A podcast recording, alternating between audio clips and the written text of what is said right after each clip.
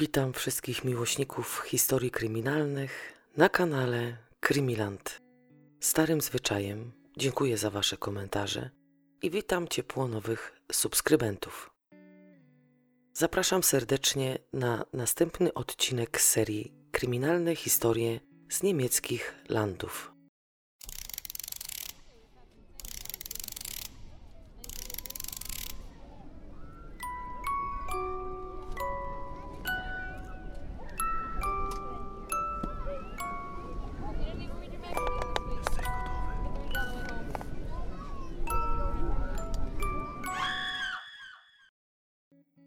Zatrzymamy się w Halle an die Saale, czyli tłumacząc na polski miasto Halle położone nad rzeką Soławą, które liczy około 236 tysięcy mieszkańców, więc nie jest jakimś tam miasteczkiem malutkim, jest to duża aglomeracja. W każdym tego typu mieście, jak i mniejszych miejscowościach, czy też takich całkiem malutkich, spacerując uliczkami Starego Miasta, można potknąć się o tak zwane Stolpersteine. Co to są Stolpersteine? Są to małe, mosiężne tabliczki umieszczone na sześciennym betonowym bloku, który jest wbity w bruk. Rozmiar tych betonowych bloczków wraz z tymi mosiężnymi tabliczkami jest różny. Oczywiście nie jest on wielkości płyty chodnikowej, ale są mniejsze i trochę większe. Wszystko powinno pasować do rozmiarów danej kostki brukowej, w którą będzie wbijany ten sześcian. Na tych mosiężnych tabliczkach są wybite ręcznie imiona i nazwiska osób, które były prześladowane, pozbawiane życia, deportowane, wypędzane, jak i tych osób, które popełniały samobójstwa w okresie nazistowskim. Jak nam wiadomo, wówczas deportowano i pozbawiano życia Żydów, Romów, ludzi niepełnosprawnych, o czym tłumaczyłam Wam w odcinku pod tytułem Głuchelec. Byli to również świadkowie Jehowy, homoseksualiści, członkowie partii politycznych, które nie współgrały z ówcześnie panującą partią NSDAP. Byli to również ludzie, którzy w jakikolwiek sposób sprzeciwiali się ówcześnie rządzącym. Oczywiście mówimy o tych, którym nie udało się uciec albo nie mieli możliwości. Wielu z nich również nie chciało zostawiać swoich dobytków i byli przekonani, że mając przykładowo pieniądze, wykupią swoje życie. Albo uważali, że nic złego im się tutaj nie stanie, bo przecież byli obywatelami Niemiec. Prawie wszyscy Żydzi służyli w wojsku, chodzi mi tutaj o czasy I wojny światowej, jak i brali udział w I wojnie światowej. Jeśli chodzi o społeczność żydowską, to wszyscy uważali się za Niemców żydowskiego pochodzenia. Więc pomimo tego, iż najpierw tracili swoje firmy, sklepy, zamykano im gabinety lekarskie, prawnicze, jak i odbierano im uprawnienia, następnie umieszczano ich w tak zwanych domach żydowskich, to albo nie chcieli uciekać, albo nie mieli już możliwości, żeby uciec. Znam historię wielu rodzin żydowskich. Mój znajomy, który już niestety nie żyje, opowiadał, że prosił swoich rodziców, żeby uciekli z Berlina. Ich dzieci, czyli rodzeństwo tego mojego znajomego, było w stanie swoim rodzicom pomóc. Po drugie, takie spakowanie się i ucieczka, nawet podczas trwania II wojny światowej, nie była łatwa, ponieważ ktoś z rodziny czy też z przyjaciół mieszkających za oceanem musiał za kogoś, kto szukał azylu, poświadczyć, zobowiązać się, że będzie opłacał ubezpieczenie zdrowotne, jak i zobowiązać się do utrzymania gościa, któremu daje schronienie. Wiadomo, ten ktoś musiał również przedstawić swoje dochody, dzięki czemu wiadomo było, czy da radę utrzymać i dać azyl temu, kogo pod swój dach przyjmuje. Dobrze było, kiedy szukający schronienia miał odpowiednią ilość pieniędzy. Wówczas było to łatwiejsze, a nie wszyscy Żydzi byli przecież majętni. Z ucieczką do Palestyny też nie było to takie łatwe, jakby mogło nam się wydawać. Tam znów uciekali młodzi Żydzi, w trakcie trwania II wojny światowej, jak i powolnego degradowania Żydów, bojkotów sklepów, bezpodstawnych aresztowań, czy też przenoszeń ich do tzw. Tak właśnie domów żydowskich, młodzi ludzie kombinowali jak mogli, żeby móc uciec. Ich rodzice natomiast byli przekonani, że to, co się dzieje teraz, czyli wtedy, jest po prostu przejściowe, że przecież nikt nie może im odebrać domów, firm, sklepów i wygnać z ich domów na tak zwaną ulicę. Ci ludzie, jak już wspomniałam, uważali się za obywateli Niemiec. Służyli w wojsku, przelewali również krew za swoją ojczyznę, bo tereny Niemiec traktowali właśnie jako ojczyznę. Jednak młodzież widziała to inaczej. Określam ich młodzieżą, ale wielu z nich tak naprawdę była jeszcze wtedy dziećmi. Żeby pomóc młodym ludziom, jak i ich rodzinom emigrować do Palestyny, powstało wówczas wiele żydowskich stowarzyszeń, które przyuczały dzieci i tą młodzież do życia, jak i pracy w rolnictwie. Te ruchy były w jakiś dziwny sposób tolerowane przez gestapo, a władze narodowo-socjalistyczne wręcz początkowo promowały całą tą emigrację tych właśnie młodych ludzi do Palestyny. Stowarzyszenia żydowskiej młodzieży oferowały wsparcie i perspektywy na przyszłość. Przygotowywali tą właśnie młodzież i dzieci do rozpoczęcia życia w innym kraju i w innej, całkiem nowej rzeczywistości. Ale nie wszyscy mogli tam wyemigrować, ponieważ po takim szkoleniu otrzymywało się certyfikaty, a liczba tych certyfikatów była ograniczona.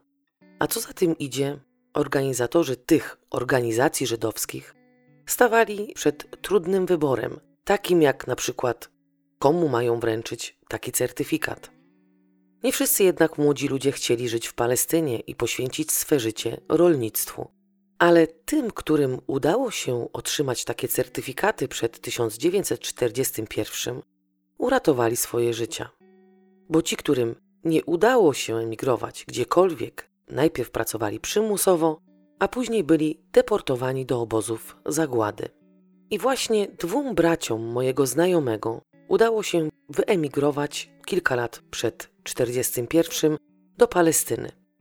Rodzice, mimo usilnych próśb dzieci, żeby emigrowali, uciekali z Berlina, nie postrzegali tego w taki sposób. Ojciec był chory przewlekle na gruźlicę i nawet raz odwiedził jednego z synów w Palestynie. Ale klimat, jaki tam panował, niestety nie sprzyjał jego schorzeniu i całe odwiedziny przeleżał w łóżku. Także ten kraj, jeśli chodzi o tą rodzinę, akurat odpadał. Poza tym ten człowiek ciągle uważał, że nic złego go w Berlinie nie spotka, że trzeba po prostu przetrzymać to wszystko, a wojna się przecież kiedyś musi skończyć. Mylił się bardzo. Krótko przed masowymi deportacjami i tymi najgorszymi dniami dla Żydów zmarł z powodu właśnie swojego schorzenia, z którym zmagał się od lat. Matka natomiast po śmierci ojca wychowywała malutką córkę swojej siostry, która oczywiście wówczas jeszcze żyła, ale nie była w stanie utrzymać swego dziecka. To nie było tak, że oddała córkę siostrze i poszła w świat. Ona cały czas była w Berlinie, przez jakiś czas nawet mieszkała z siostrą i córką pod jednym dachem. Jej mąż uciekł do Anglii i miał po żonę i córkę wrócić, ale niestety nie wrócił. W ich rodzinie wówczas mówiło się, że uciekł i że planował to już wcześniej. Kobieta również podobnie do ojca mojego znajomego chorowała na gruźlicę, więc siłą rzeczy więcej czasu spędzała w szpitalach i w jednym z tych szpitali z powodu choroby gruźlicy zmarła w 1942 roku. Oczywiście tak stoi w dokumentach, ale doskonale wiemy, że to był już ten czas, kiedy w szpitalach pozbawiano życia Żydów i wszystkich tych, dla których nie było miejsca w narodowo-socjalistycznym państwie. Jako przyczynę śmierci podawano wówczas schorzenia, na jakie dany pacjent się leczył, ale ci ludzie byli po prostu pozbawiani życia. Matka zatem została z córką siostry, a co za tym idzie, obie zostały deportowane do Oświęcimia i tam pozbawione życia. Dziewczynka miała wówczas zaledwie 6 lat. Także, jak sami widzicie, nie wszyscy chcieli uciekać. W przypadku tej rodziny dzieci bezskutecznie próbowały namówić rodziców na emigrację, jednak ci nie słuchali. Dziś możemy poznać tych ludzi, oczywiście w cudzysłowie poznać, dzięki właśnie tym mosiężnym tabliczkom, na których, jak już wcześniej wspomniałam, wyryte jest imię i nazwisko danej osoby, data i miejsce urodzenia, jak i data deportacji, z czym się oczywiście wiąże również data śmierci. Ci, którzy słuchają i oglądają mnie na YouTube, właśnie w tej chwili widzą, jak wyglądają takie małe pomniki, bo tak właśnie możemy te mosiężne tabliczki wbite w bruk nazwać. Stolperstein w tłumaczeniu na polski oznacza po prostu kamień pamięci. Ale jeśli chcielibyśmy przetłumaczyć nazwę dosłownie, to oznacza ona nic innego jak zawadzający kamień, czyli taki kamień, o który można się potknąć. A jak się potykamy, siłą rzeczy odwracamy się i patrzymy, o co się potknęliśmy. Ale tak naprawdę nikt z nas nie potknie się o ten kamień pamięci fizycznie, ponieważ jest on wbity równiutko w kostkę brukową i nie ma możliwości, żeby się o ten malutki pomnik potknąć. Jednak nazwa Stolperstein ma trochę inny przekaz. Tu chodzi o emocje, uczucia. Chodzi o potknięcie się sercem, duszą, o zatrzymanie się na chwilę, o pochylenie głowy, co jest również takim symbolem oddania czci tym ludziom i zastanowienie się przez chwilę nad skutkami, jakie niosą ze sobą konflikty zbrojne. Niczym niewyjaśniona nienawiść, zawiść, szykany i wyciągnięcie wniosków. Chodzi tutaj również o to, żeby zwrócić tym ludziom nazwiska. Każdy taki kamień pamięci umieszczany jest pod adresem, pod którym ci ludzie mieszkali. Chodzi o te adresy, które zostały przez nich przed wojną dobrowolnie wybrane, czyli miejsce, w którym mieszkali, rodzili się, dorastali. Może teraz Was zaskoczę, albo może Was nie zaskoczę, ale powiem Wam, że popularna swego czasu gra Pokémon Go, którą wszyscy znamy, jest również oparta na pozycjach z GPS i miejsca, w których wbite są te kamienie pamięci, służą jako znaki orientacyjne. Można to rozpatrywać pod wieloma względami. Jedni powiedzą, że jest to niesmaczne, a inni uznają, że przecież dobrze jest, jeśli więcej ludzi dowie się o tych małych pomnikach pamięci i przez chwilę nawet z ciekawości zatrzyma się i przeczyta, co na nich stoi.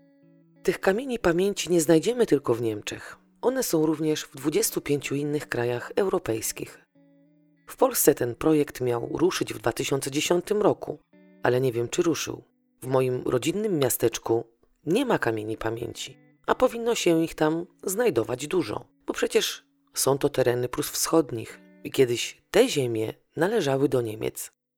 Jeśli ktoś z Was znalazł w Polsce taki kamień pamięci przed jakąś kamienicą albo przed miejscem, w którym kiedyś przed wojną stała taka kamienica, to proszę dać mi znać w komentarzu. Ci Żydzi, którym udało się uciec kilka lat po wojnie, wrócili do Niemiec. Wielu może spytać, po co wracali tam, gdzie patrzyli na śmierć swoich bliskich? No ale przecież ci ludzie tu się urodzili, tutaj przeżywali swoje pierwsze zauroczenia, tutaj chodzili do szkół, studiowali, zawierali znajomości, przyjaźnie, czyli wrócili tam, gdzie urodzili się również ich rodzice. Więc tak naprawdę innych wspomnień związanych z innymi krajami nie mają. Tu były ich tak zwane korzenie. Część z nich wróciła właśnie do Hale. I w miejscu starej synagogi, która usytuowana była w centrum miasta, postanowiono w 1948 roku odbudować świątynię, która została zniszczona w 1938 roku podczas pogromów listopadowych. Tą zniszczoną synagogę oczywiście rozebrano w 1940 roku na koszt gminy żydowskiej. Odbudowana synagoga to prosty budynek halowy w stylu mauretańskim. Świątynia jest tak jakby trochę wycofana w głąb i otoczona murem, w którym znajdują się brama prowadząca na cmentarz i dębowe drzwi prowadzące na dziedziniec, z którego również można wejść na cmentarz, jak i przejść do synagogi. Jest 9 października 2019 roku. Dla nas jest to najzwyklejszy, niczym nie wyróżniający się dzień. Mówiąc nas, mam na myśli katolików, ewangelików, jak i ludzi wyznających inne wiary, czy też tych niewyznających żadnej wiary. Jednak dla społeczności żydowskiej jest to najważniejsze żydowskie święto, czyli Jom Kippur, a po polsku Dzień Pojednania, Dzień Sądu, czy też Dzień Przebaczenia. To święto poprzedzone jest dziesięciodniowym okresem postu, pokuty, czyli czasu odpowiedniego przygotowania się do Dnia Pojednania. Ludzie robią zakupy, przyjmują gości, wysyłają kartki z życzeniami. Jest to okres, w którym społeczność żydowska powstrzymuje się od nadmiernego jedzenia, picia, korzystania przesadnie przykładowo ze smartfonów, iPhone'ów, telewizji, no i tego wszystkiego, co tak jakby zabiera nam cenny czas w życiu i nie jest przecież aż tak istotne. A jeśli ktoś ma jakieś nałogi, to powinien w ogóle z nich przez te 10 dni zrezygnować. Wielu Żydów te 10 dni nazywa strasznymi dniami, Ale święto pojednania nie opiera się tylko na sprawach przyziemnych. Jest to czas zadumy, zastanowienia się nad sobą, swoimi uczynkami, grzechami, nad tym, czy komuś nie wyrządziło się krzywdy, w ogólnym oczywiście tego słowa znaczeniu. Ten czas tej pokuty ma na celu uświadomienie ludziom, że są grzeszni i skłonni do wszelkich pokus. Uświadomienie im także, że mogą nad sobą zapanować, że nie są tacy słabi, jakby się mogło niektórym wydawać, że życie nie opiera się tylko na przyziemnych przyjemnościach, że poświęcenie się właśnie dla siebie i innych jest tutaj kluczowe. Reasumując, jest to czas dokonania przemiany duchowej, szczerego żalu za grzechy, za złe uczynki, jakie wyrządziło się Bogu i bliźnim. Jest to również czas wynagrodzenia Bogu i bliźnim tych krzywd. I nie wystarczy tutaj oczywiście zmówić modlitwy, przeżegnać się z dziesięć razy, czy też leżeć krzyżem w świątyni, albo obsypać prezentami wraz z przeprosinami tego, kogo się w jakiś tam sposób skrzywdziło. Tu chodzi o szczery żal i skruchę płynącą prosto z serca.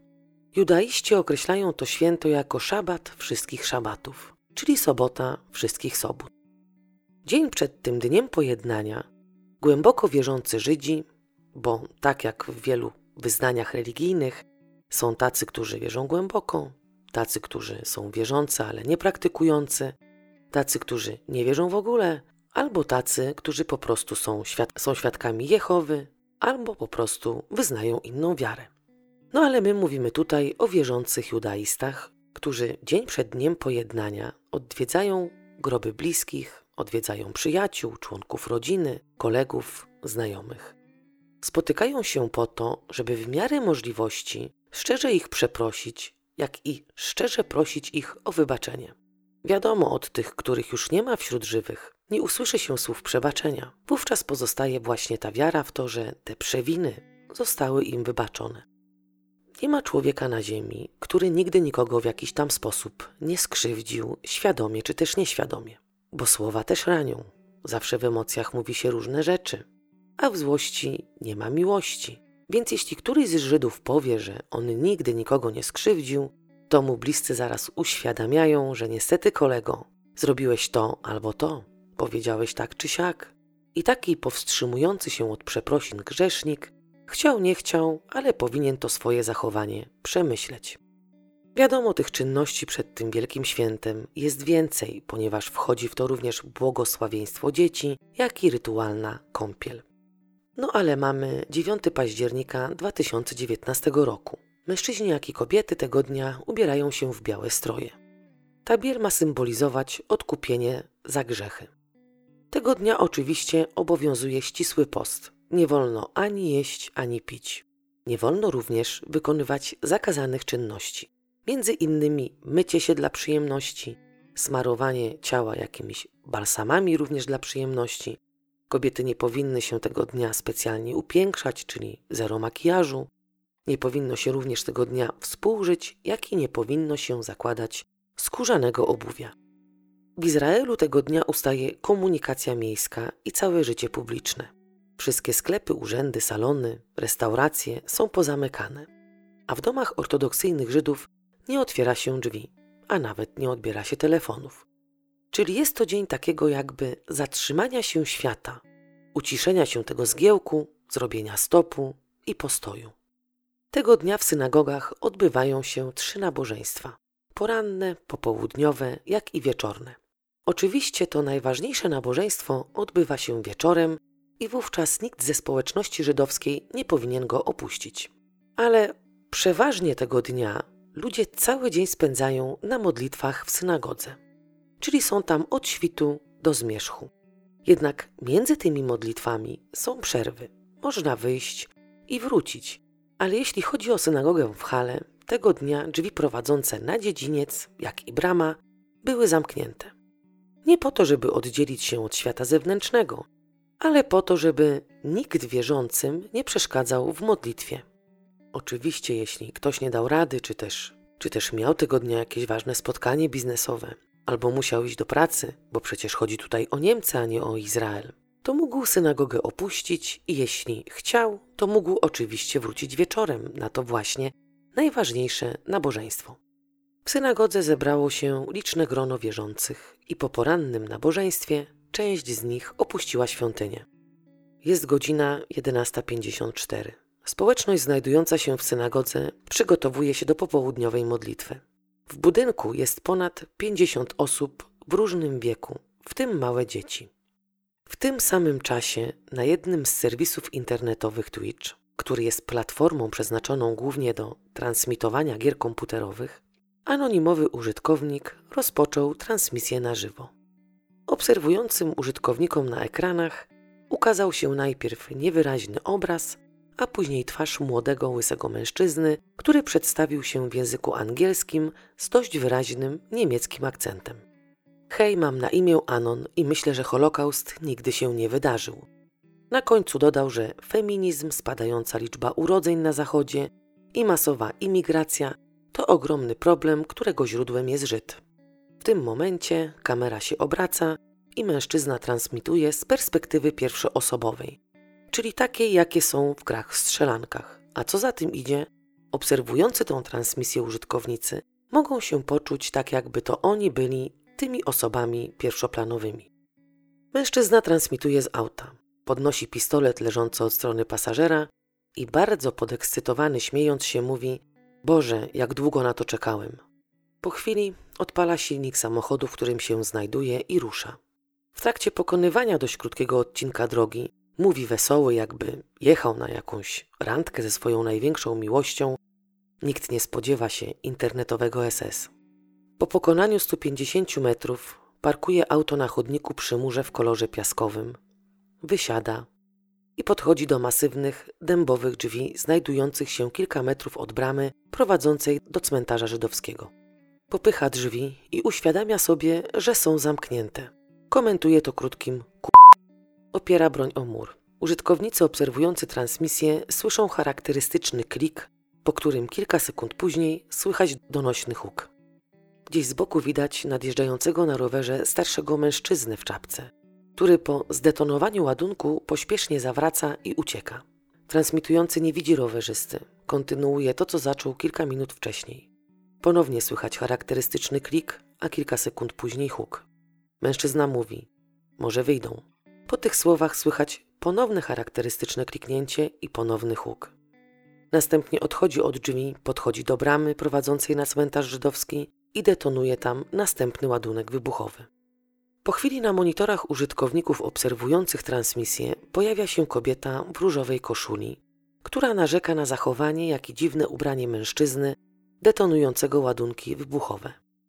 Z jej słów wynika, że jest przekonana, iż ten ktoś bawi się w pirotechnika i rzuca po prostu sylwestrowymi petardami. Zwraca uwagę mężczyźnie, żeby tego nie robił, kiedy ona będzie przechodziła. Mija go. Ten rusza za nią i oddaje w jej plecy kilka strzałów. Kobieta upada. Transmitujący kieruje się w stronę dębowych drzwi, które tym razem próbuje staranować i podpalić koktajlem Mołotowa. Użytkownicy Twitcha słyszą słowa: A teraz zapalamy. Szturm na drzwi się nie udaje. Jest wściekły. Odwraca się, podchodzi do leżącej na ulicy kobiety i oddaje w jej plecy następną serię, nazywając ją przy tym świnią. Następnie przemierza kilka metrów i próbuje otworzyć żelazną bramę, jednak i to również mu się nie udaje. Nagle obok leżącej na ulicy kobiety pojawia się kurier, który jest bardzo zainteresowany tym, dlaczego ta kobieta tam leży. Uzbrojony mężczyzna odwraca się w jego stronę i celuje w kuriera. Naciska spust, jednak broń zawodzi, dzięki czemu kurier ratuje swoje życie i ucieka. Akcja streamu przenosi się ponownie na dębowe drzwi, w kierunku których oddane są trzy strzały. Transmitujący celuje oczywiście w zamek, który nie puszcza. Następnie próbuje kilkoma silnymi kopnięciami je wyważyć. Jednak i to mu się nie udaje. Podpala jeszcze trzy koktajle Mołotowa i rzuca je przez mur, chcąc zapewne wywapić ludzi znajdujących się w synagodze. Kiedy uświadamia sobie, że nie będzie w stanie dostać się do celu, jaki sobie obrał, udaje się w kierunku zaparkowanego nieopodal auta. Zauważa, że ma postrzeloną oponę, rzuca w powietrze krótki wulgaryzm i wsiada do auta.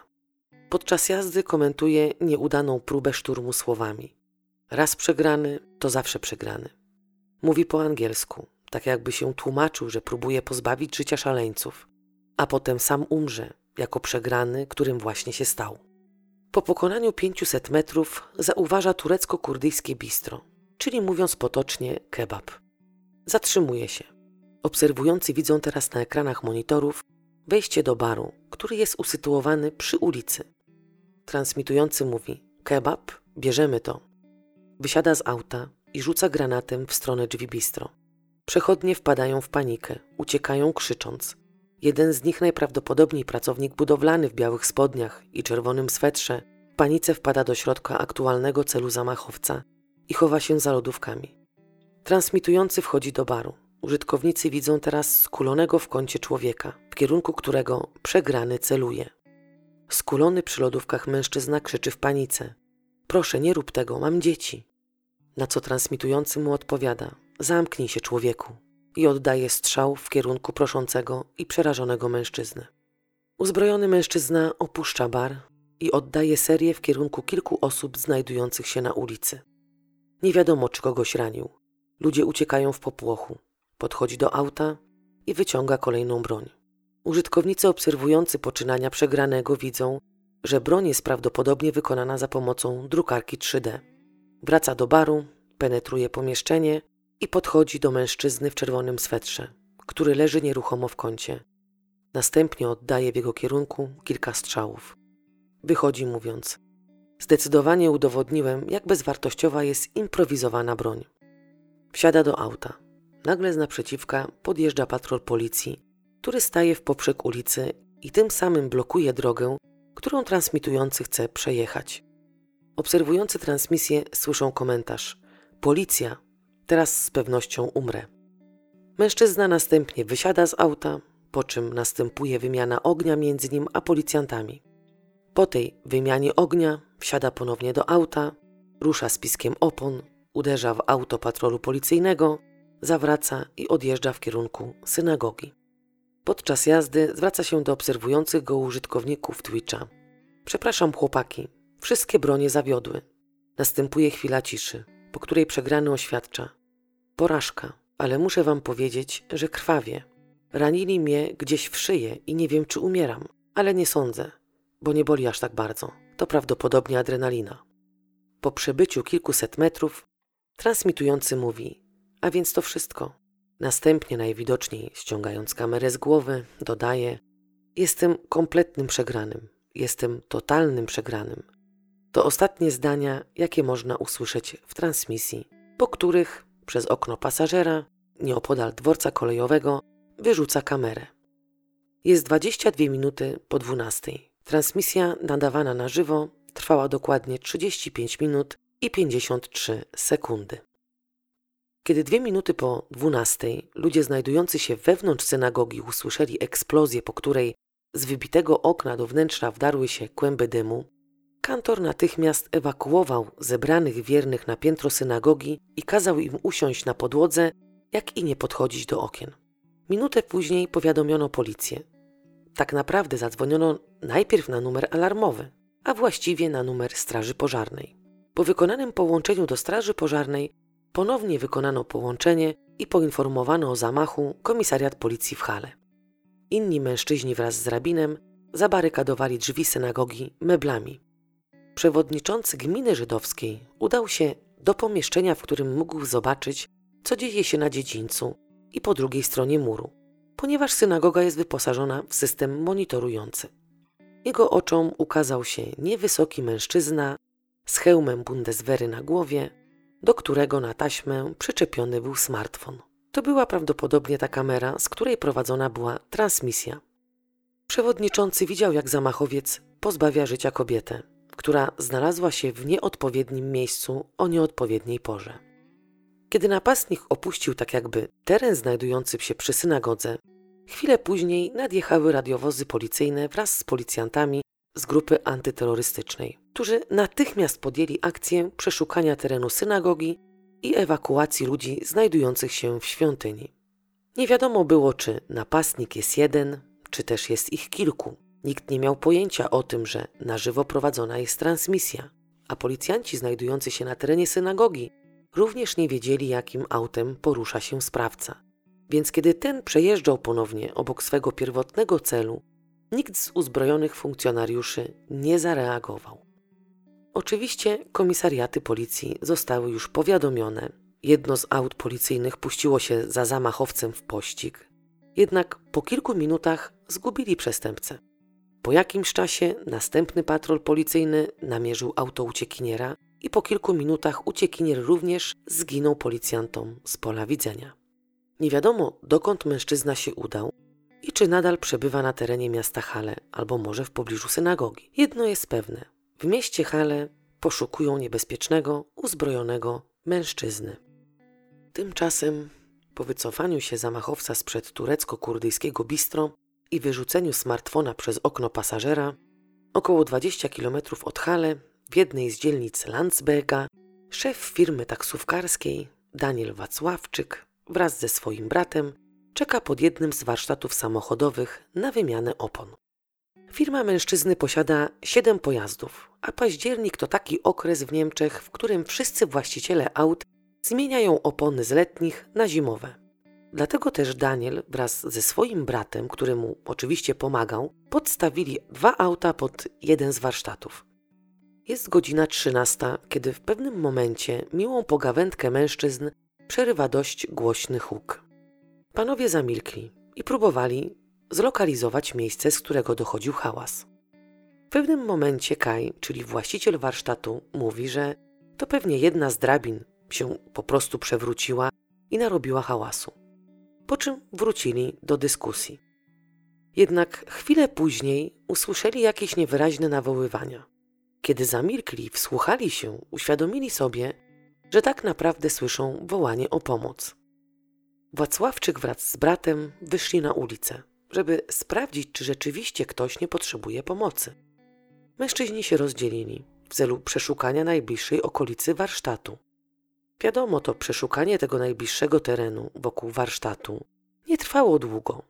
Daniel wrócił zatem po kilku minutach do Kaja, ale moment później brat szefa firmy taksówkarskiej woła go, żeby ten wyszedł na zewnątrz. Wraz z Danielem wychodzi również Kaj. Mężczyźni widzą, że w towarzystwie brata Daniela jest drugi mężczyzna, który na pierwszy rzut oka nie sprawiał wrażenia, że jest kimś niebezpiecznym. Jedno, co się rzucało w oczy, to rana na szyi. Kiedy mężczyźni podeszli, ranny uprzejmie i grzecznie przedstawił się, mówiąc: Jestem poszukiwanym przestępcą, potrzebuję taksówki. Wacławczyk nie należy do ludzi, którzy na słowo przestępca reagują strachem. W związku z tym hardo odpowiedział mężczyźnie, że aktualnie dwie taksówki są w warsztacie, a jak kolega, oczywiście w cudzysłowie kolega, potrzebuje jakiejś tam podwózki, to niech sobie złapie autobus czy coś w tym stylu. Na co ranny mężczyzna, lekko poddenerwowany, odpowiada, będąc nadal oczywiście uprzejmym, że nie chce robić z nimi tego, co właśnie przed chwilą zrobił z sąsiadami warsztatu. I dodaje na koniec, żeby zostać lepiej zrozumianym, że pozbawił już dwie osoby życia. W tym momencie Kai uświadamia Danielowi, że ranny jest uzbrojony i celuje w ich kierunku. Mężczyźni dziwnym trafem zachowują spokój. Nie są spanikowani ani poddenerwowani. A Daniel bez zmiany tonu nadal prowadził rozmowę z napastnikiem. Bracia wjeżdżając na warsztat zaparkowali dwa auta jedno za drugim. Co za tym idzie, jedno auto blokowało to pierwsze, a to pierwsze było całkiem nowym pojazdem. W związku z czym Wacławczyk oznajmił mierzącemu w ich kierunku mężczyźnie, że o pierwszym aucie może zapomnieć, ponieważ jest to stosunkowo nowe auto, że jedynie może wziąć to drugie, czyli białego Mercedesa. Napastnik zapytał tylko, czy samochód jest zatankowany do pełna i czy pojazd jest sprawny. Właściciel potwierdził i podał kluczyki rannemu. Ten, chcąc chyba odwdzięczyć się za tą dobroć właścicielowi pojazdów i tak jakby zapłacić za, za utratę auta, wsadził rękę do kieszeni, wyciągnął 50 euro i położył banknot na ulicy. Właściciel pojazdu odpowiedział, nie zmieniając tonu: Zabieraj swoje pieniądze i sp.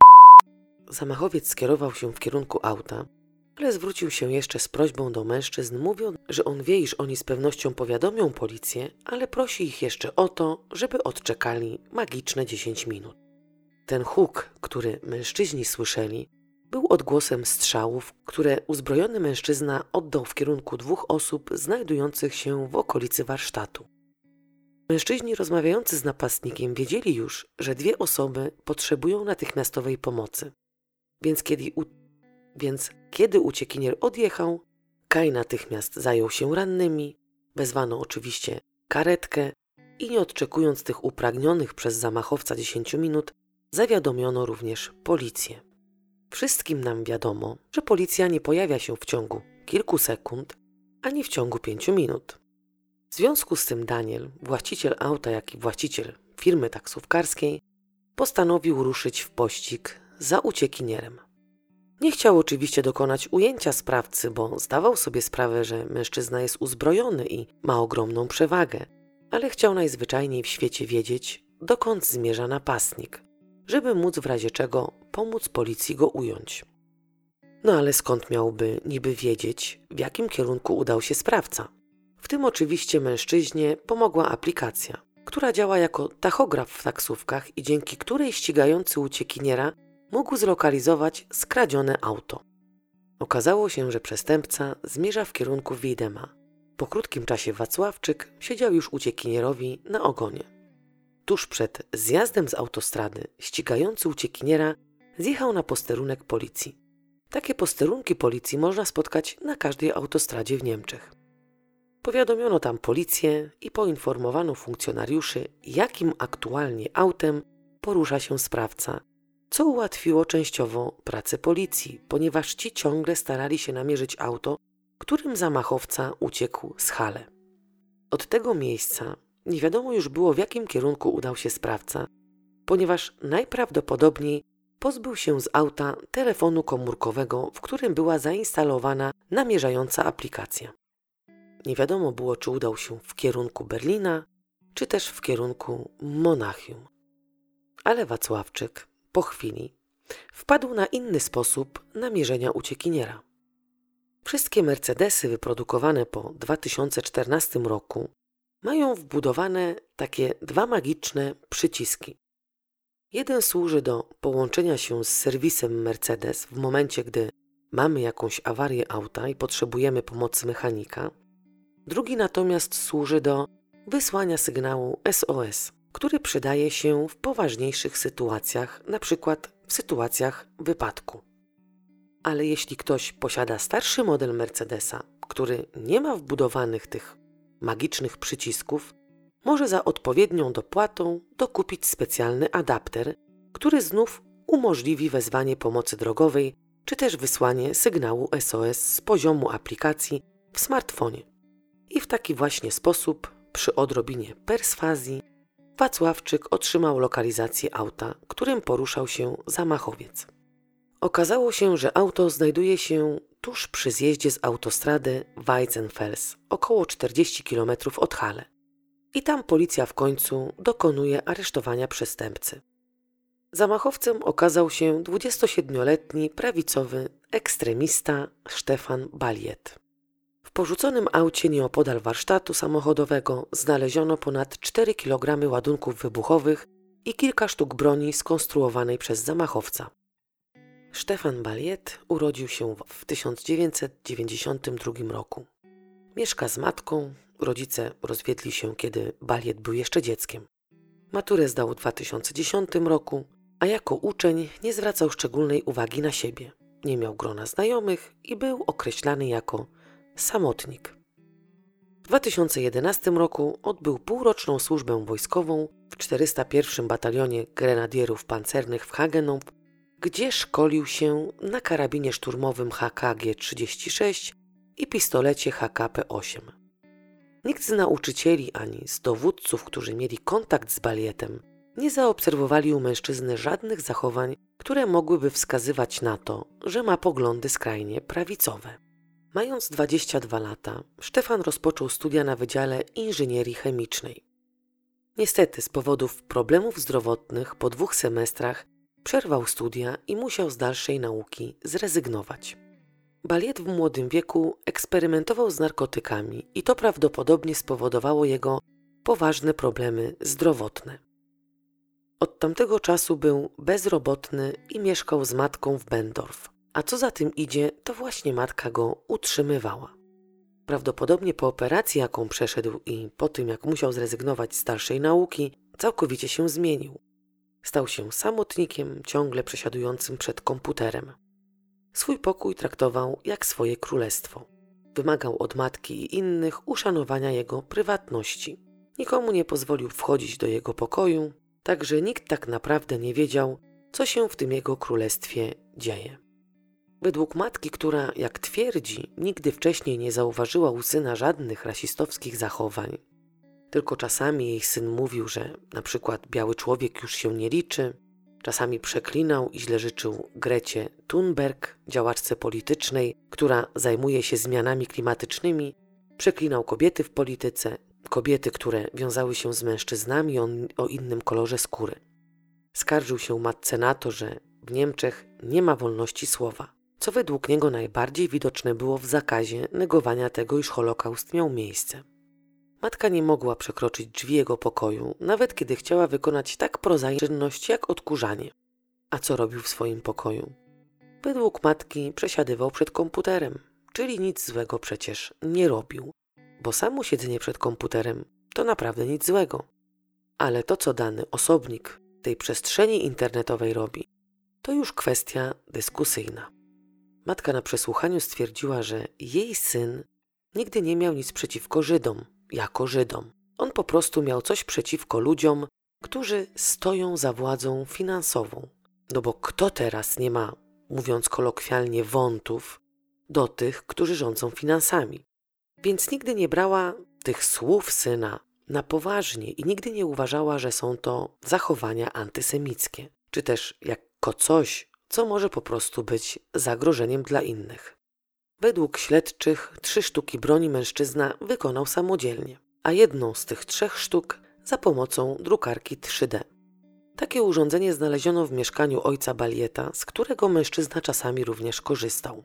Jako amunicji używał między innymi monet, które były oznaczone swastyką, a inne oznaczał słowami holokaugen, czyli oko hologa. To jest taka mieszanka słów oznaczająca m.in. Holokaust i skrót angielskiego określenia kalibru. Budowę broni skończył w marcu 2019 roku. Nie wydał na nią zbyt wielu pieniędzy, ponieważ korzystał z finansów matki, dlatego nie mógł zaszaleć. Stal kupił za 50 euro, teleskop za 20 euro, a tysiąc łusek za 25 euro. Smartfon, który podczas zamachu miał przyczepiony do hełmu, kupił w lipcu 2019 roku. Posiadał również 45 urządzeń wybuchowych. Były to m.in. bomby rurowe i granaty ręczne. Według śledczych jedną z broni kupił w 2015 roku za pośrednictwem Darknet, a resztę zbudował w szopie należącej do ojca, w której ten trzymał narzędzia. Prawdopodobnie budował broń wówczas, kiedy ojca nie było w domu. Przeszukanie pokoju, w którym Baliet spędzał całe dnie, nie przyniosło zamierzonych skutków. Funkcjonariusze niczego znaczącego tam nie znaleźli. Prawdopodobnie mężczyzna był przygotowany na to, że śledczy po zamachu będą przeszukiwać jego mieszkanie. A nic poza twardym dyskiem i pochowanymi papierkami, na których były wypisywane słowa w stylu na przykład pudło, śledczy nie znaleźli. Te pochowane karteczki miały z pewnością na celu wyśmianie funkcjonariuszy, którzy przeszukiwali pokój zamachowca. Na twardym dysku znaleziono broszurę byłego wodza III Rzeszy, pliki ze zdjęciami wodza III Rzeszy i wiele plików związanych z właśnie tą tematyką. Sam Balieto świadczył, że nie jest nazistą, że to, iż jego idolem jest właśnie wódz, nie znaczy, że jest jakimś tam ekstremistą czy też skrajnym prawicowcem. Adwokat oskarżonego uświadomił mu wówczas, że nie musi być neonazistą, żeby był antysemitą. Ogólnie uznano, iż za swoją nędzę i lenistwo do pracy obwiniał innych, w tym przypadku akurat Żydów.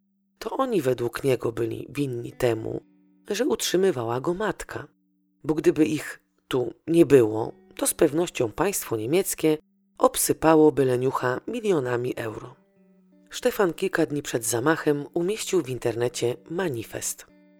manifest był plikiem zapisanym w formie PDF o nazwie dokumentacja, która zawierała zdjęcia wszystkich jego broni, włącznie z długim mieczem, jak i zdjęcia ładunków wybuchowych wraz z koktajlami Mołotowa. Zacytuję Wam tutaj kawałek manifestu, czyli jego część, która była zatytułowana Plan, ale od razu chciałabym Wam wyjaśnić, że usłyszycie określenie kajks albo kajk. Co to znaczy? Ogólnie wśród prawicowych ekstremistów jest to bardzo obraźliwe określenie Żyda. Pierwotnie słowo kajk nie miało znaczenia obraźliwego.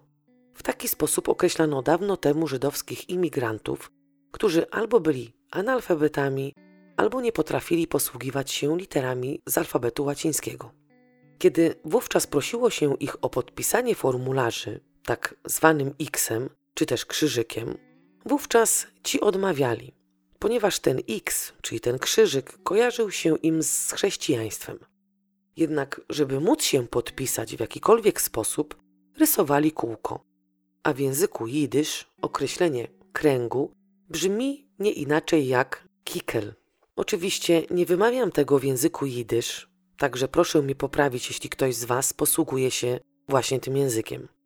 Po jakimś czasie ci, którzy mieli styczność z żydowskimi imigrantami, chodzi tu oczywiście o urzędników, każdego, kto podpisywał się takim kółkiem, nazywali kajk, nie mając oczywiście nic zdrożnego na myśli. To był rok około 1860.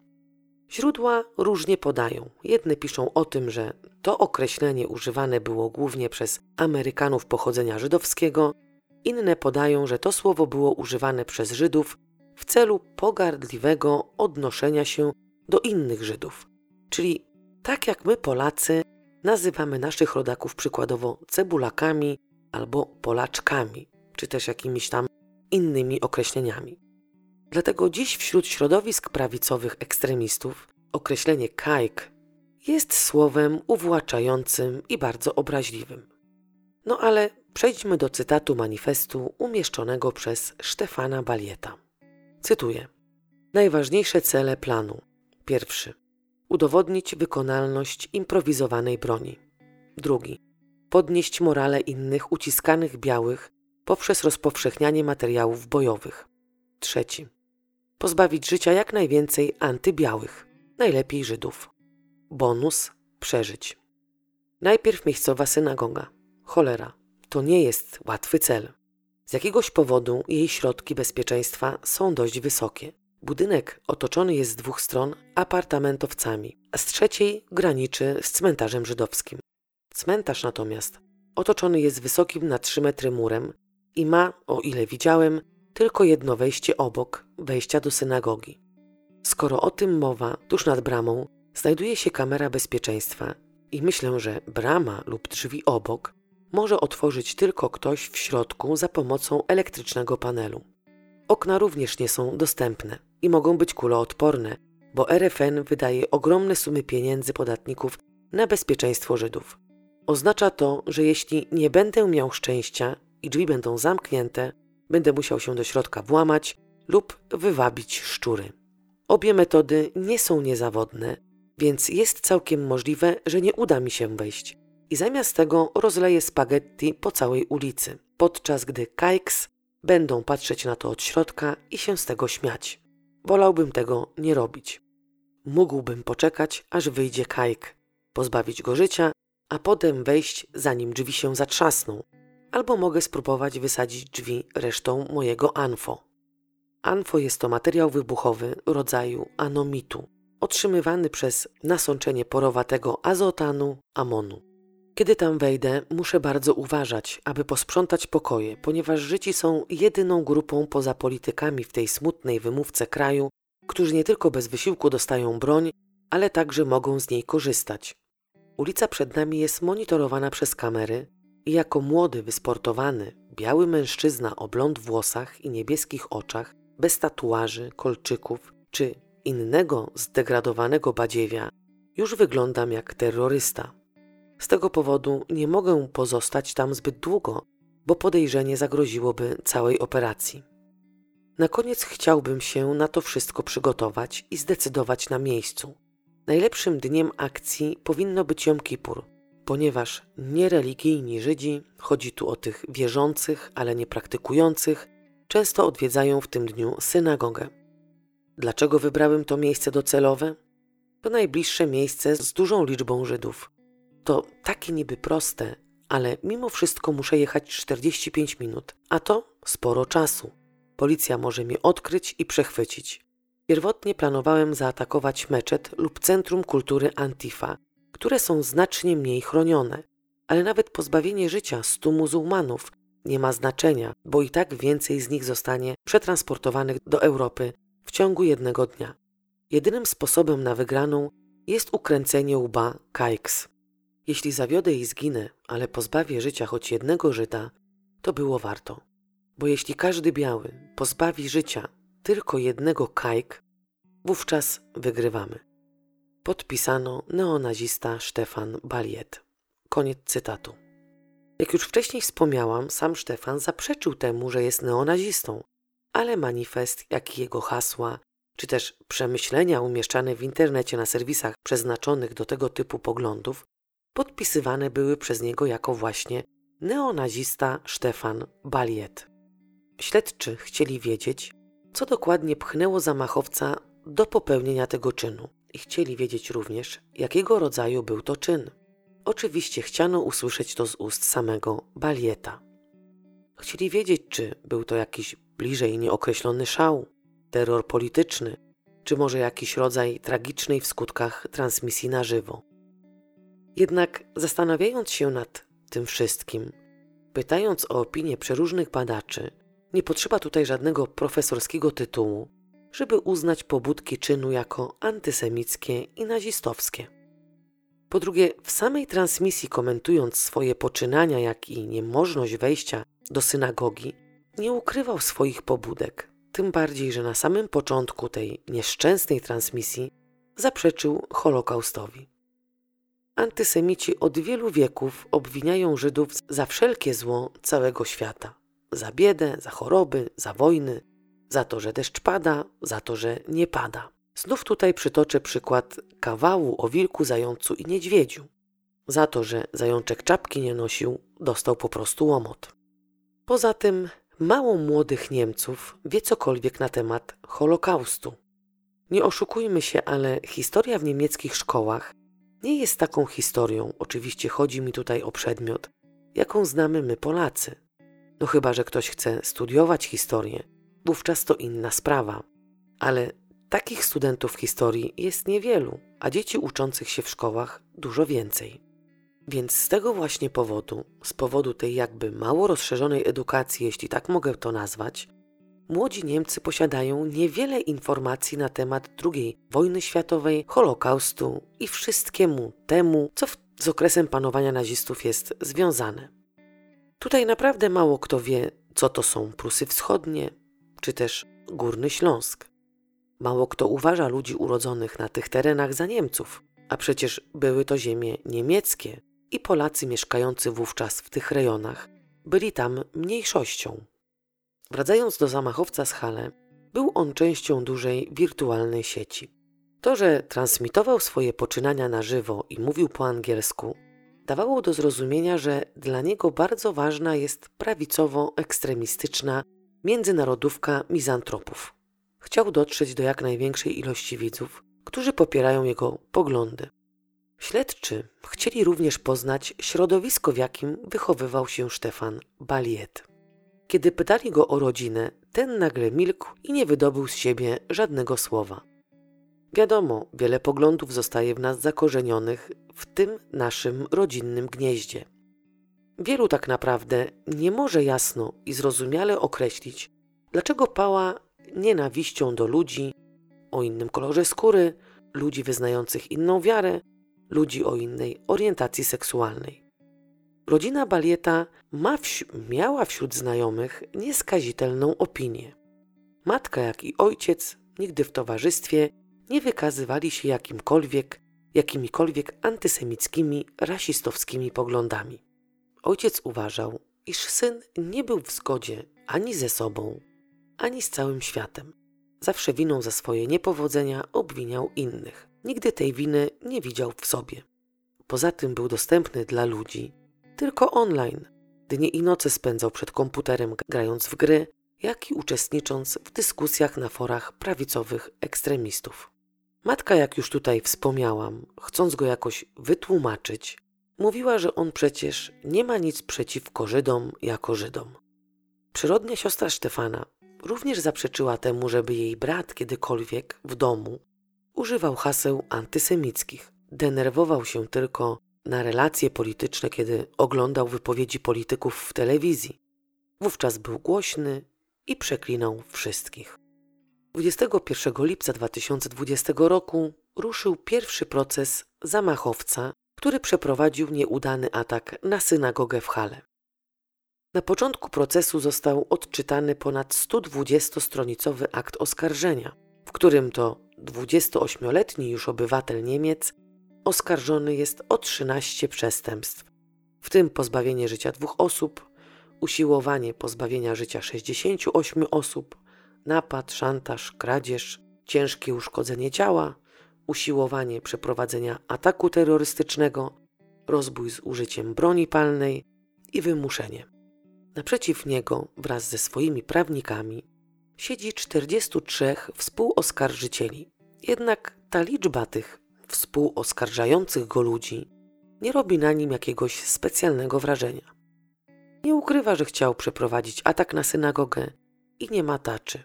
Składa jasne oświadczenia i nie protestuje. Z chęcią opisuje swój światopogląd, swój gniew i swoje zaplecze militarne. Prawdopodobnie już w 2015 roku Stefan miał skrajne poglądy. Jak sam twierdzi od tego właśnie czasu, postanowił nie poświęcać się dla tego społeczeństwa, które jest przepełnione muzułmanami, murzynami i Żydami. W tym momencie przewodnicząca sądu ostrzega, że jeśli będzie używał obraźliwych określeń w stosunku do tych ludzi, ta wykluczy go z postępowania i więcej nie będzie miał możliwości popisywać się przed tak licznym gronem publiczności. Bo jego popis na żywo, chodzi tu oczywiście o transmisję, oglądało zaledwie pięć osób. Wiadomo, film krążył jeszcze w sieci, przez, w sieci przez pół godziny, zanim został usunięty, i w rezultacie obejrzało transmisję 2000 osób. Ale na żywo w czasie rzeczywistym miał pięciu widzów, a zachowywał się tak, jakby oglądał go cały świat. Ogólnie, mimo tego, co zrobił, nie odnosił się z szacunkiem do sądu, a tym samym do ludzi, którzy byli współpowodami.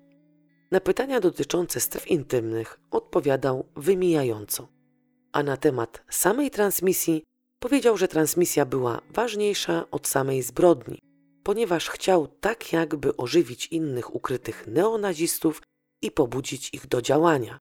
To był swego rodzaju apel. Apeluje również na sali sądowej i zachęca innych do działania.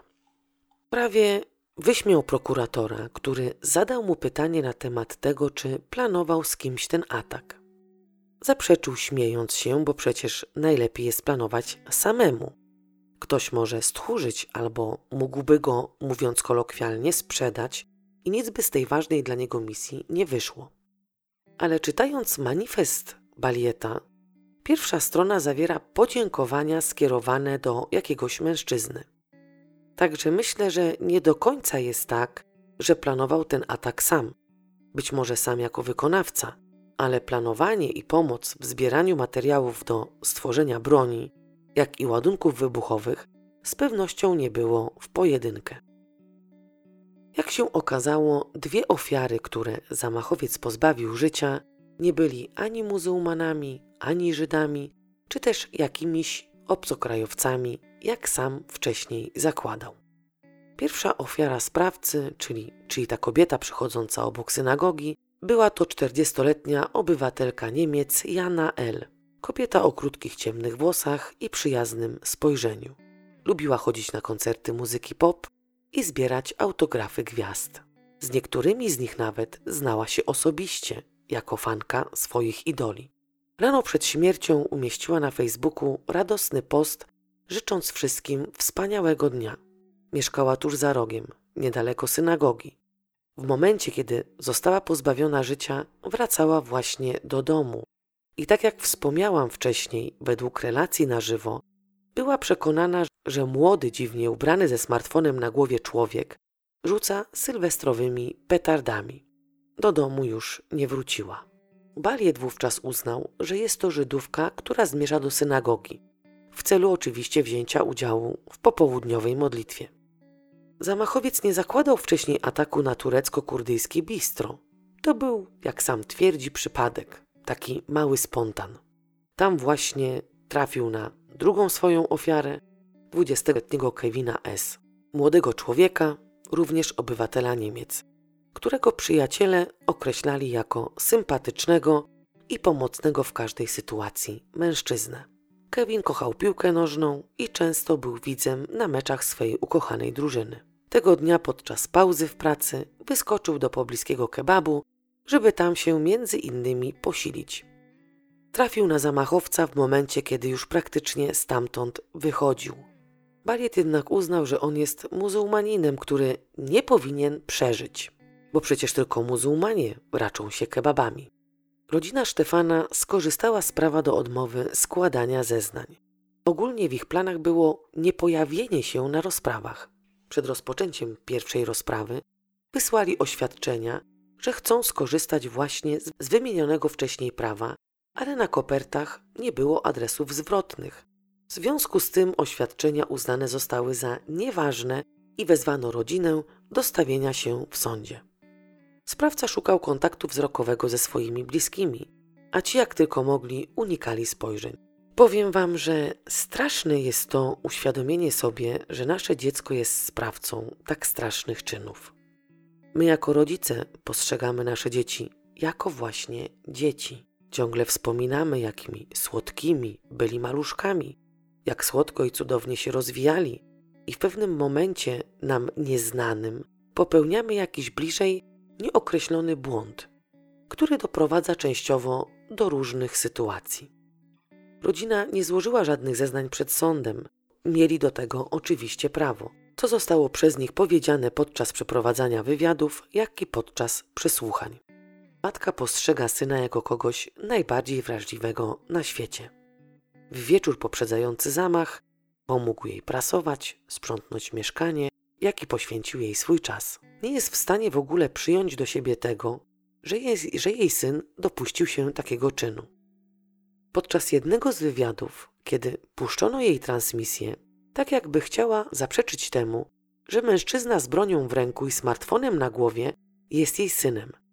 Jednak po chwili oznajmiła, że poznaje pewne ruchy, które cechują Stefana i że swoje dziecko pozna wszędzie.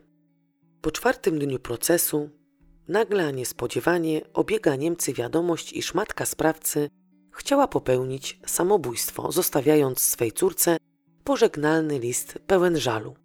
Obwiniała innych za to, co się stało. W liście narysowana była przekreślona gwiazda Dawida i według tych, którzy mają dostęp do tego listu, był on przepełniony tekstami antysemickimi, a co za tym idzie uznano, że poglądy zamachowca z kosmosu się jednak nie wzięły. Natychmiast pojawiła się grupa ludzi, którzy dość dobrze znają matkę sprawcy i zaprzeczali temu, żeby kobieta kiedykolwiek wykazywała się jakimiś antysemickimi poglądami. Matka Stefana była nauczycielką i nauczała w szkole etyki. W Niemczech każdy nauczyciel ma status urzędnika państwowego, więc wynagrodzenie za pracę nie jest jakąś tam głodową pensją. Koledzy nauczyciele za przykład podali to, że kiedyś matka zamachowca w szkole zajęła się małą muzułmanką i się nią zaopiekowała. Że wyglądało to bardzo dobrze, że była czuła w stosunku do tej dziewczynki, że to przecież wskazuje na to, iż kobieta nie mogła być rasistką. Prawdą jest to, że nikt tak naprawdę nie wie, co drugiemu człowiekowi chodzi po głowie. Mogła nie lubić Żydów, bo przecież nikt nam nie nakazuje kochać się miłością nieprzerwaną i jednostajną. Przecież to, że ktoś nie lubi swego sąsiada, nie znaczy, że jest typowym materiałem na jakiegoś tam zamachowca czy też prześladowcę. Jednak, jak już wspomniałam, poglądy częściowo zakorzeniają się w kręgach najbliższej rodziny. To rodzice są naszymi pierwszymi autorytetami. To oni wyznaczają nam ścieżkę, którą dalej będziemy kroczyć.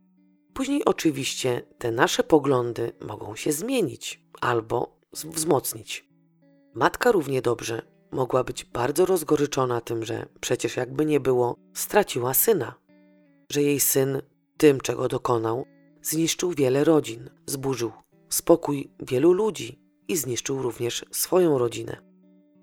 Ale pomimo tego rozgoryczenia obwiniała tak jak syn cały świat i Żydów, że właśnie przez nich straciła syna.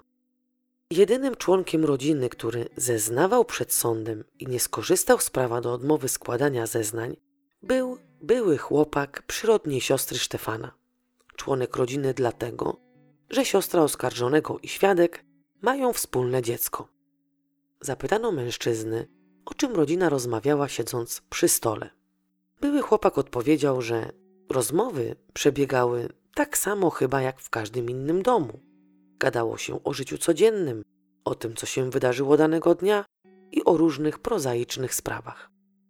Świadek nadmienił również, że jego syn często przebywał w pokoju Stefana i tak jak to małe dziecko skakał po jego łóżku, pod którym wujek skrywał swoją broń. To świadczy o tym, że pokój Stefana, jak w wywiadach mówiła matka, nie był ciągle zamknięty i że jednak był udostępniony dla członków rodziny. Składający zeznania przed sądem opowiadał o tym, iż słyszał, jak zamachowiec obrabiał metal w warsztacie swojego ojca, a że były chłopak przyrodni siostry Stefana jest z wykształcenia konstruktorem, więc ten również u niego zasięgał rady na temat obróbki metalu. Pewnego dnia oskarżony pokazał świadkowi metalową prasę, którą sam wykonał. Świadek nigdy nie zapytał, do czego ma to służyć. Na pytanie, jakie wrażenie sprawiał Baliet, ten odpowiedział, że był małomówny, często siedział przy komputerze i udzielał się na forach. Na jakich forach się udzielał i co tam pisał, świadek nie pytał i nie wie. Jednak stopniowo z każdym zadawanym pytaniem przez sędziów, jak i współpowodów, okazało się, że Stefan nie był aż tak niepozorny, jak go wszyscy określali. W jednym z supermarketów podczas zakupów sprawca zaatakował dwóch obcokrajowców, którzy porozumiewali się między sobą swoim ojczystym językiem. Zaatakował ich oczywiście słownie i wymagał od nich mówienia po niemiecku, ponieważ znajdują się w Niemczech. Stefan stał się wówczas bardzo agresywny i strasznie głośny. Niejednokrotnie wygłaszał antysemickie poglądy, jednak świadek nie wiedział wówczas, czy mówi on tak na poważnie, czy może sobie żartuje. Chociaż biorąc pod uwagę to, że zeznający przed sądem sam kiedyś obracał się między prawicowymi ekstremistami, świadczy o tym, że doskonale powinien wiedzieć, iż wygłaszane poglądy przez Stefana nie są czymś żartobliwym. Ponadto okazuje się, że na jednym z przyjęć urodzinowych wynikł spór, a oskarżony, żeby ten spór rozwiązać, wyciągnął nóż. Ledwo wówczas się go uspokoiło, a świadek i ówczesna jego dziewczyna, czyli przyrodnia siostra Stefana, prawdopodobnie złożyli doniesienie na policji. Według świadka w domu Balieta nie rozmawiało się na tematy sporne, nie dyskutowało się i nie wymieniało się oficjalnie poglądami. Konkretnie chodziło o to, że w domu nie rozwiązywało się problemów słownie. Wszyscy tam milczeli i to milczenie nie było czymś dobrym, bo przecież jakieś kwestie sporne powinno się zawsze starać rozwiązać. Ale świadek doskonale wiedział z doświadczenia, że ludzie, którzy mają skrajnie prawicowe poglądy, są bardzo uparci i nie jest osobiście przekonany do tego, że w konfrontacji czy też w podjęciu jakichś tam prób tłumaczenia podczas tej rozmowy przyniosłoby to jakieś pozytywne rezultaty. Prawnicy, czyli adwokaci współpowodów, wzięli tak jakby w krzyżowy ogień pytań świadka. Pytania dotyczyły sceny ekstremistyczno-prawicowej. Pytano przede wszystkim o to, co robił innym ludziom. Ten zaprzeczał, żeby kiedykolwiek kogokolwiek skrzywdził, że był młody, głupi i nieświadomy, że nigdy nie brał czynnego udziału w tym, co robili jego koledzy. Dodał jeszcze na koniec tego bardzo długiego przesłuchania, że oskarżony niejednokrotnie komentował poczynania polityków w obecności swojej rodziny, mówiąc: Winni są pieprzeni Żydzi, na co matka reagowała słowami: Stefan, przestań, co znów wskazuje, że rodzina nie tak do końca mówiła prawdę, twierdząc, że nie znali poglądów Stefana. Wśród świadków pojawili się również nauczyciele. Jedna z nich miała dość bliski kontakt z matką Stefana. W swoich zeznaniach powiedziała, że matka martwiła się o przyszłość syna, który niezbyt chętnie rwał się do pracy. Wówczas koleżanka zaproponowała matce, żeby ta wyrzuciła nieroba z domu. Chodziło o to, żeby już dłużej go nie utrzymywać i nie być dla niego pobłażliwym. Po tej propozycji przyjaźń tak jakby się urwała. Kobiety już nie miały ze sobą tak zażyłych stosunków jak wcześniej. Zapytano świadka, czy matka oskarżonego kiedykolwiek zdradziła się ze swoimi rasistowskimi poglądami. Ta odpowiedziała, że gdyby miała przeczytać list pożegnalny teraz, nie znając kobiety, która to napisała, uznałaby, że jest to list napisany przez mizantropa rasistę. Jednak z uwagi na to, że zna kobietę od ponad 20 lat i że jest ona nauczycielką etyki, nigdy nie pomyślałaby o niej w takich kategoriach. Według tych zeznań, jak i zeznań innych świadków, których tutaj nie przytoczyłam, dla wszystkich stało się jasne, iż najbliższe otoczenie Stefana Balieta doskonale zdawało sobie sprawę z tego, jakimi poglądami kieruje się w życiu oskarżony. Samo to, iż matka nie do końca była szczera, mówiąc, że do pokoju syna nikt nie miał prawa wchodzić, świadczy o tym, że nie wszystko, co do tej pory mówiła, było prawdą.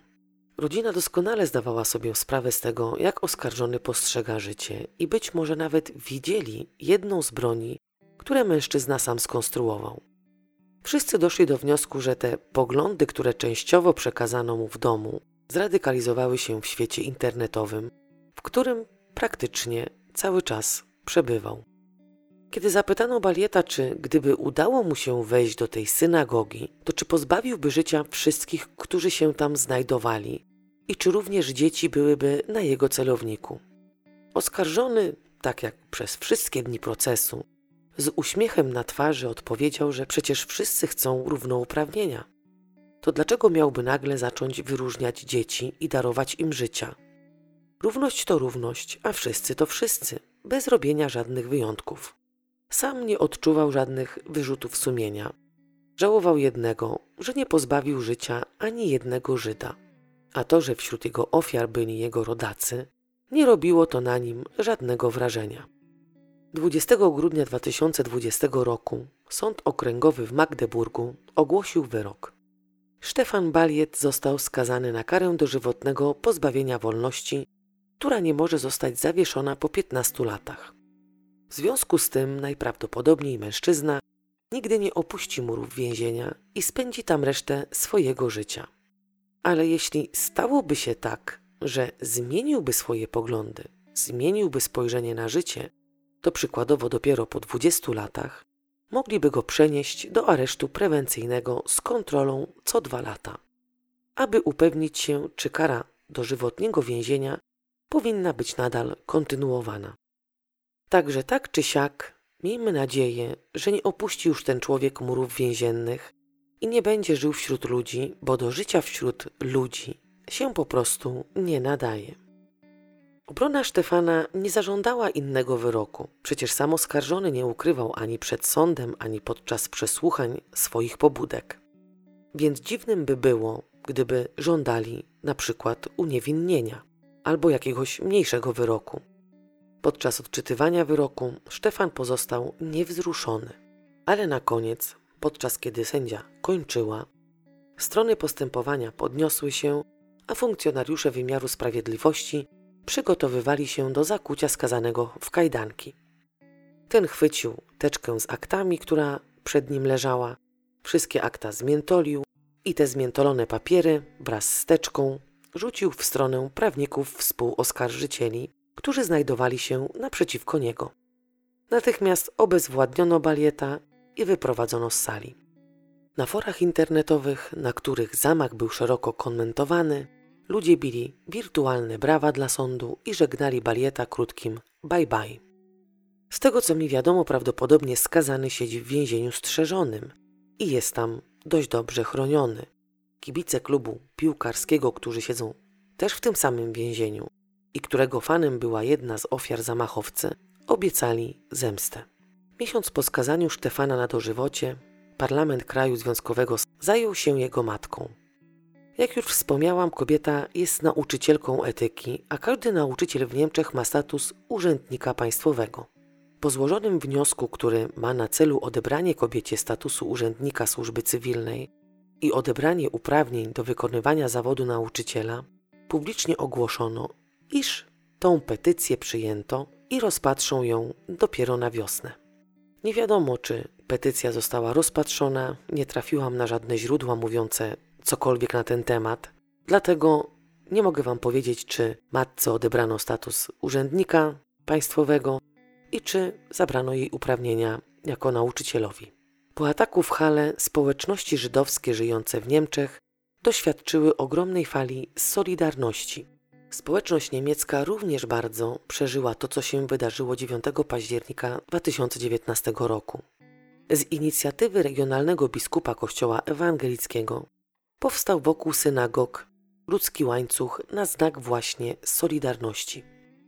Setki ludzi w kilku większych miastach w Niemczech zbierali się na czuwania i modlitwę. Przedstawiciele innych religii ogłosili, że stają u boku żydowskich sióstr i braci, a kościoły sprzeciwiają się antysemityzmowi. Jak się zmieniło życie społeczności żydowskiej? Wielu mężczyzn zaprzestało nosić jarmułki, czyli charakterystycznego nakrycia głowy, ponieważ spotykali się z pewnymi aktami. Wielu młodych ludzi groziło im słownie, że spotka ich to samo, co tych, którzy stracili życie podczas ataku na synagogę. Inni znów zaczęli wręcz oficjalnie nosić jarmułki, po to, żeby uświadomić innym Niemcom, którzy nie mają pojęcia o tym, iż w Hale mieszkają Żydzi i są tak jakby częścią tego społeczeństwa. Niestety nie spotkali się oni z pozytywnym odbiorem. Wielu ludzi jest świadkami wielu incydentów, gdzie Żydzi są atakowani nie tylko słownie, ale również fizycznie. Zmieniło się jedno: Żydzi postanowili teraz wszystkie incydenty zgłaszać na policję, bo do momentu ataku w Hale przechodzili nad tym do porządku dziennego. Nie robili wokół takich akcji szumu. Historia lubi zataczać koło. Podczas panowania nazistów, kiedy bojkotowano sklepy i firmy żydowskie, wówczas ci również nie bardzo jakoś potrafili na to reagować. A jeszcze wtedy mogli. Jednak milczeli i godzili się na to. Uważali, że jak podniosą alarm, to będzie go jeszcze gorzej niż jest. Więc cierpliwie czekali. Kiedyś pytałam jednego zagorzałego antysemitę, dlaczego nienawidzi Żydów. Nic konkretnego nie usłyszałam, a byłam naprawdę przygotowana na to, że być może ktoś w końcu jasno i zwięźle wytłumaczy mi tą wiekową nienawiść do tego akurat narodu. Bo takie tłumaczenia, że są winni za chorobę, biedę i wszelkie złe rzeczy, jakie dzieją się na świecie, jakoś mnie nie przekonuje. Ciężko mi jest zrozumieć postępowanie ludzi, jak i niczym niewyjaśnioną nienawiść. Przy przygotowywaniu tego odcinka miałam trochę mieszane uczucia co do waszego odbioru. Ale jeśli wśród was jest ktoś, kto nie pała delikatnie mówiąc sympatią do tych ludzi, a jest na przykład wierzącym katolikiem, niech wyobrazi sobie, że w najważniejsze katolickie święto, jakim jest Wielkanoc, czyli jest to również czas zadumy, czas odrodzenia się wiary w Boga, jak i wiary w drugiego człowieka, czas zastanowienia się nad swoją grzesznością i nad tym, jak silna jest miłość do bliźniego.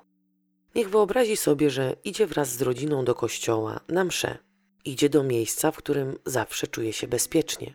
I nagle ktoś uzbrojony przerywa wam nie tylko modlitwę, ale również przerywa wam wasze życia. Robi to dlatego, że jesteście katolikami, albo robi to dlatego, że jesteście po prostu Polakami. Być może wówczas nie spojrzycie na Żydów jak na tych znienawidzonych Żydów, tylko spojrzycie na nich jak na ludzi. To by było na tyle. Jak zawsze życzę Wam wszystkiego dobrego i do usłyszenia wkrótce.